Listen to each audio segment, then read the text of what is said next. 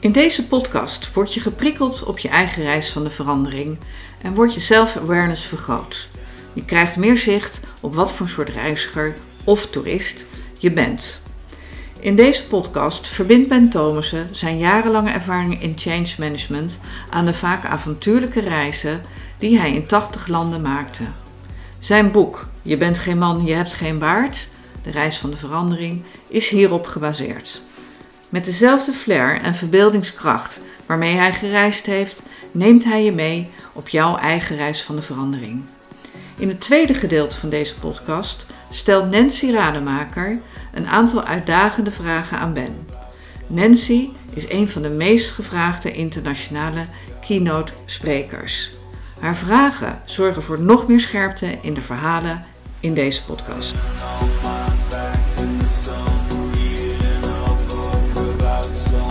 Podcast 10.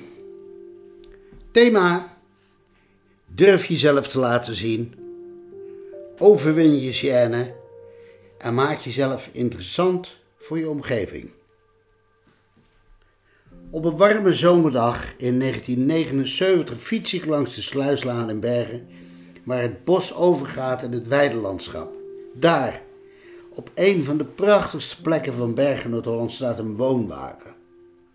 Erbij zitten wat mensen gezellig aan een glaasje. In het voorbijgaan kijk ik daar zo naar en vang die blik van een man op, op het oog in leeftijdgenoot. Hij roept: Whisky! Ik gooi mijn fiets in het gras en hij schenkt een glaasje whisky in. We raken aan de praat. Zijn naam is Felix Strategier en hij is samen met Stefan de Einde het straattheatergezelschap De Gebroeders Vlint begonnen in Amsterdam. Dit is hun eerste seizoen.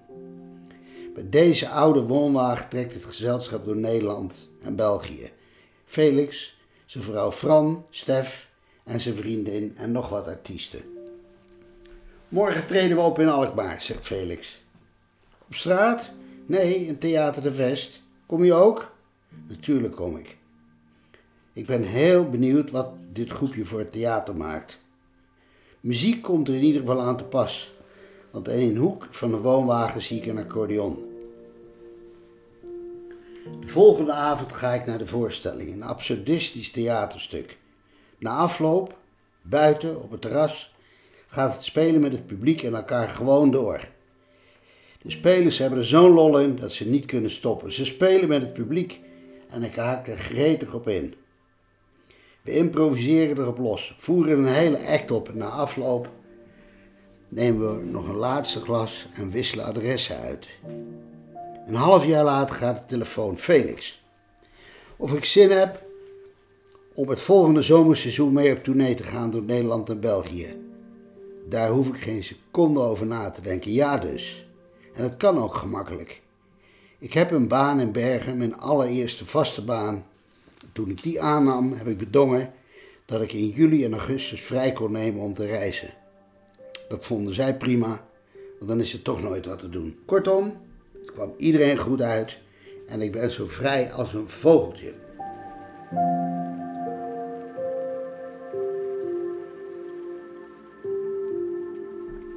Vrij om met Felix en zijn club mee te gaan.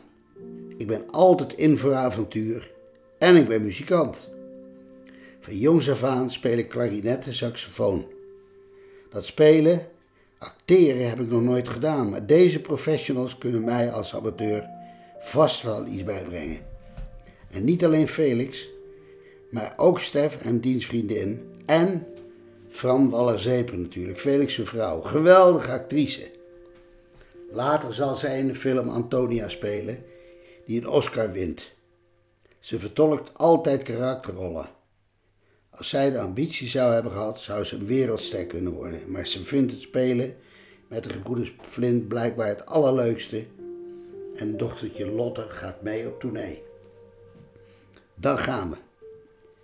Ik rijd voorop met mijn antieke motor, een BMW R25 uit 1949. Daarachter twee woonwagens. De ene getrokken door een tractor, de andere door een busje. Af en toe krijg ik de geest en spring, mijn motor om het verkeer, spring van mijn motor om het verkeer tegen te houden en de woonwagens door te laten.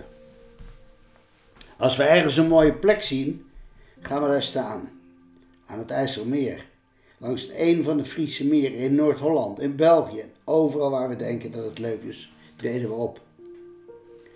De eerste voorstelling waarin ik meedoe is in Hilversum. Het gaat over een circusfamilie en ik ben Frankie, die jaren geleden familie heeft verlaten om voor het grote geld naar Amerika te gaan. Daar heb ik het zogenaamd helemaal gemaakt. En nu, nu kom ik onverwacht terug om de familie weer eventjes te bezoeken. Ik huur een taxi en als de voorstelling op het hoogtepunt is en iedereen zit te luisteren naar prachtige romantische muziek, komt er ineens een grote auto aan waar het publiek voor moet wijken. En als een deus ex machina beland ik midden in de voorstelling. Met twee grote koffers stap ik uit de auto, grote sigaar in mijn mond en met, met klarinet. Hi guys! Verwarring alom. We zijn weliswaar ingehuurd door een culturele organisatie om hier te spelen, maar het publiek weet niet dat ook ik bij de voorstelling hoor. Het gaat meteen fout. Een grote kerel stapt naar voren komt heel dreigend op me af en begint te schelden. Ben jij niet goed bij je hoofd, idioot? Die mensen zijn, geven hier een geweldige voorstelling. En jij komt daar dwars heen banjeren en de boel versteren. Als je nou niet gauw op mietert. Hij maakt duidelijk aanstanden, stalten om me op mijn bek te slaan. Ik schrik me wezenloos. In een flits denk ik, als ik nu wegloop, sta ik compleet veraapt in deze voorstelling. Mijn allereerste notenbenen. Dus ik denk, ik pak over. Ik blaf, terug. What do you want? Hè? What do you want? Even, even aarzelt de kerel. En gelukkig komen er dan andere mensen uit het publiek tussen beiden. De boel wordt gesust. Ik sta naar boos naar die vent te kijken, zo wat denk erom, hè? Maar intussen sta ik te op mijn benen.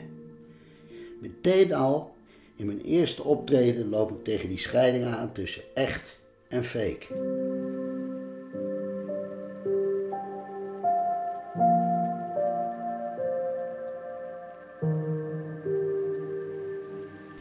Gaandeweg krijg ik steeds meer bewondering en ontzag voor het ambacht van de straatartiest. Want als een artiest in het theater optreedt, dan komen mensen speciaal voor die voorstelling. Maar straattheater is zo vluchtig als wat. Mensen komen erbij staan en als het niet bevalt, lopen ze weer weg. Dus je moet altijd proberen de aandacht te vangen.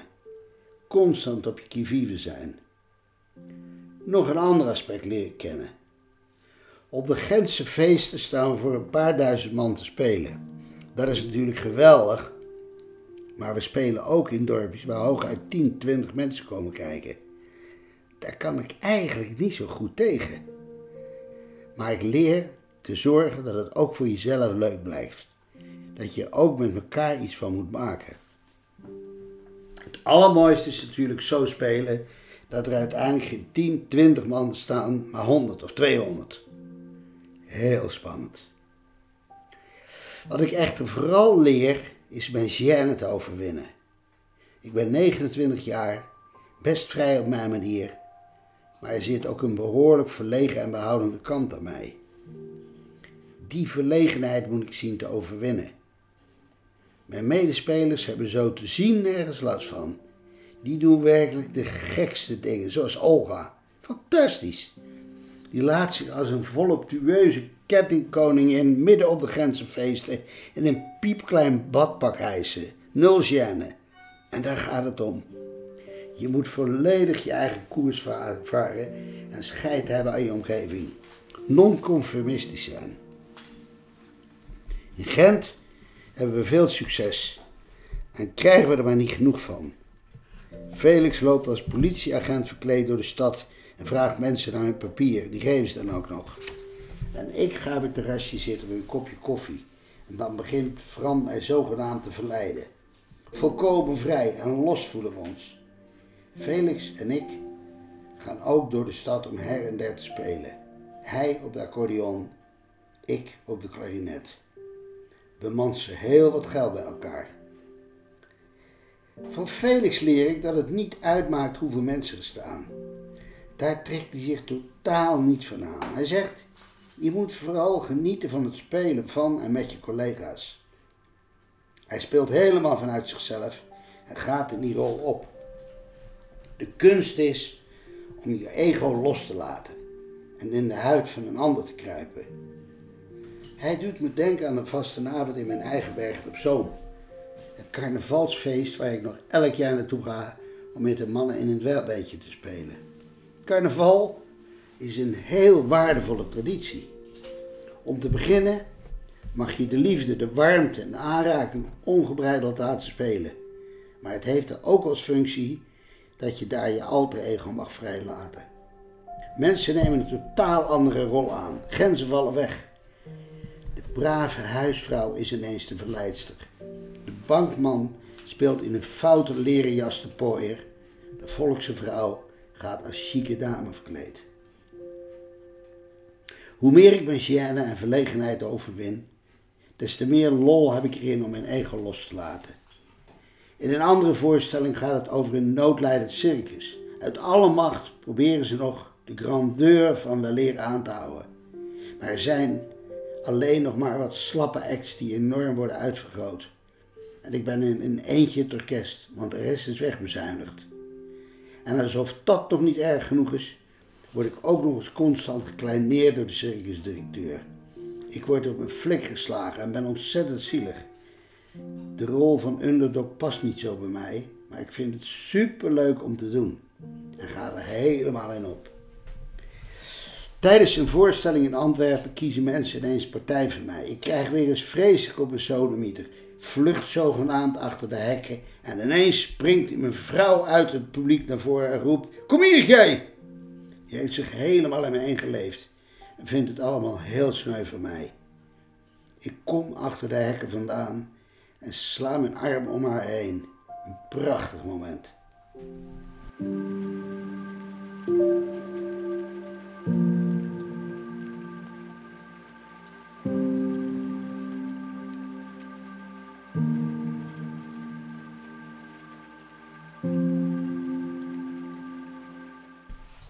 Daar in Antwerpen staat de woonwagen gewoon midden in de stad op de grote markt. Tegen de kathedraal hadden ze een nieuwe tent geopend. Café-restaurant Het Vermoeide Model. Eigenaar Bernard, een voormalige hoogleraar, nodigt ons uit bij hem te komen dineren. Wanneer het restaurant sluit, doet Bernard ook de cafédeur dicht. Hij heeft allemaal vrienden uitgenodigd voor een besloten partij. Allerlei hele en halve artiesten stromen binnen en doen een act. Ook Felix en ik storten ons in de ene na de andere improvisatie vanuit een halletje met een gordijn voor de deur. Maar we hebben maar een minuutje nodig om iets af te spreken en dan gaan we alweer. De volgende ochtend om vier uur rollen we de markt op, dronken als een konijn. En rijden met de woonwagen het centrum uit naar de kade waar we overnachten. Drie zomers lang trek ik rond met dit gezelschap. Drie maal zes weken is het feest. Nou ja, niet altijd. Op het platteland van België is niet iedereen van ons gecharmeerd. Dat blijkt wanneer we ergens in een dorp de woonwagens hebben neergezet. Krijgen we binnen 10 minuten de politie op ons dak. Wat blijkt? We staan vlakbij in de gevangenis. Ze zien ons als zigeuners, als de bedreiging van de geordende maatschappij waar alleen maar nette mensen toegang hebben. We hebben niks gedaan, maar we worden wel opgepakt. Een paar uur later worden we de gemeente uitgezet. Nou goed, dan rijden we naar het volgende dorp. Daar is de politie blijkbaar op de hoogte, want ook daar willen ze ons niet toelaten. Ja zeg, we zetten de woonwagen midden op de weg en zeggen wij gaan niet weg. Het rare is, als je behandeld wordt als een zigeuner, ga je ook zo gedragen. Ik stap op mijn motor en rijd zogenaamd zo dronken als een mongool rondjes om die politieagenten heen, zwalkend en wel. Felix zegt nog, kijk toch uit man. Maar ik heb ontzettende zin om die gasten een beetje te jennen. Ze doen me niks. Ik voel me onaantastbaar. Op de jaarlijkse veemarkt in Purmerend hebben we een bizarre ontmoeting. Een man komt op ons af en roept... Hé, hey, die woonwagen die ken ik nog. Die is voor mij geweest. En hij begint de historie van de woonwagen te, te vertellen. Hoe hij rondtrok als scharen sliep en handelde in gouden munten. Ja, geen echte gouden munt hoor, neppies natuurlijk. Ja, ik verkocht neppies. Wij lachen hartstochtelijk, ook om de manier waarop hij het vertelt. En dan, op precies dezelfde vrolijke toon, vertelt hij over de dood van zijn dochter. Geëlectrocuteerd in deze woonwagen. Heb ik het nou goed gehoord? Hoe kan iemand zo luchtig over zo'n drama praten? Misschien is dit een manier voor hem om ermee om te gaan. Aan mijn bestaan van reizende straatartiest komt een eind. Ik heb inmiddels ander werk en kan niet meer zo lang wegblijven. Heel af en toe speel ik nog mee in de Rode Bioscoop in Amsterdam, die door Felix en Stef is opgericht en waar de prachtigste voorstellingen worden gegeven. Felix is een van mijn beste vrienden geworden. Een soulmate die net als ik gek is van Ierland. Hij verblijft van tijd tot tijd in ons Ierse vakantiehuis om aan een nieuwe voorstelling te schrijven. En samen lopen we regelmatig een weekje door het Ierse landschap. We filosoferen, genieten van het onstuimige gezelschap en landschap, hebben veel lol en voelen een grote onderlinge verbondenheid. Later groeien we wat uit elkaar door verschillen in levensstijl. Vorig jaar is Felix helaas overleden. Ik heb nog klarinet mogen spelen bij zijn begrafenis naast zijn graf. Als het om performance gaat, het overwinnen van mijn gêne en ruimte geven aan mijn alter ego, god, wat heb ik dan toch veel geleerd van hem. Dankjewel.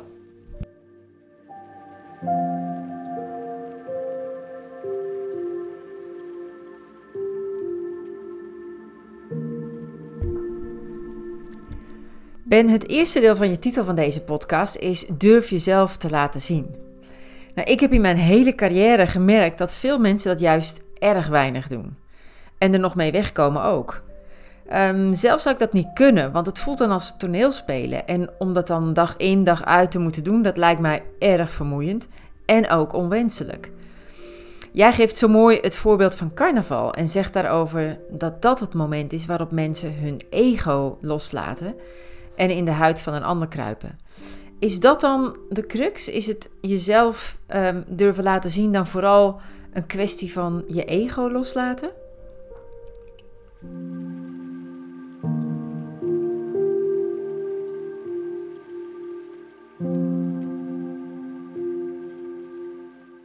Veel culturen vragen, uitgesproken of onuitgesproken, om je aan te passen. Dus om bepaalde stukken van jezelf niet te laten zien. Vroeger was bij Heineken een belangrijk onderdeel van de introductie dat je geheinekenized werd. Dat wil zeggen aangepast aan de bestaande cultuur. Culturen zijn vaak sterk.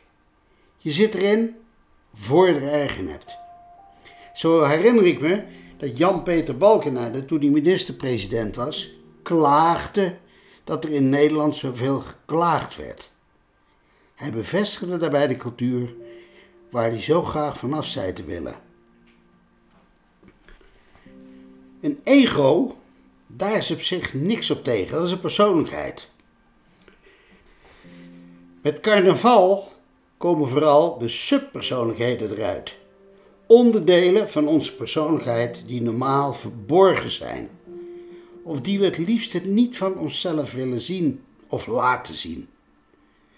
Laat zei iemand die helemaal uit zijn dak was gegaan: Ik was mezelf niet. Ik vroeg toen: Wie was je dan? Ik zei: Die boosheid is ook een onderdeel van je. Alleen laat je die liever niet zien. Dat hebben we allemaal in meerdere of mindere mate. Delen van onszelf die onvergroeid zijn door de censuur van bijvoorbeeld opvoeding, geloof, je partner of je werk. De weg naar authenticiteit is lang, zegt een van de gasten in mijn boek in dat kader.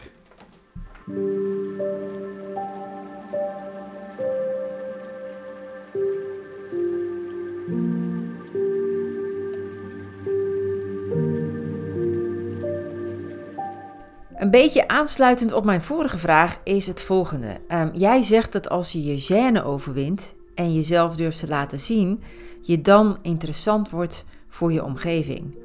Maar waarom doen zo weinig mensen dat dan? En wat houdt ons daarin dan het meeste tegen? Is dat iets wezenlijks van ons als mens of heeft het vooral te maken met een cultuur die zo is gegroeid? En zouden we zo'n cultuur dan kunnen veranderen en hoe gaat dat dan? Nou, veel vragen in één, zoals je merkt, maar het is iets wat mij echt heeft bezig gehouden.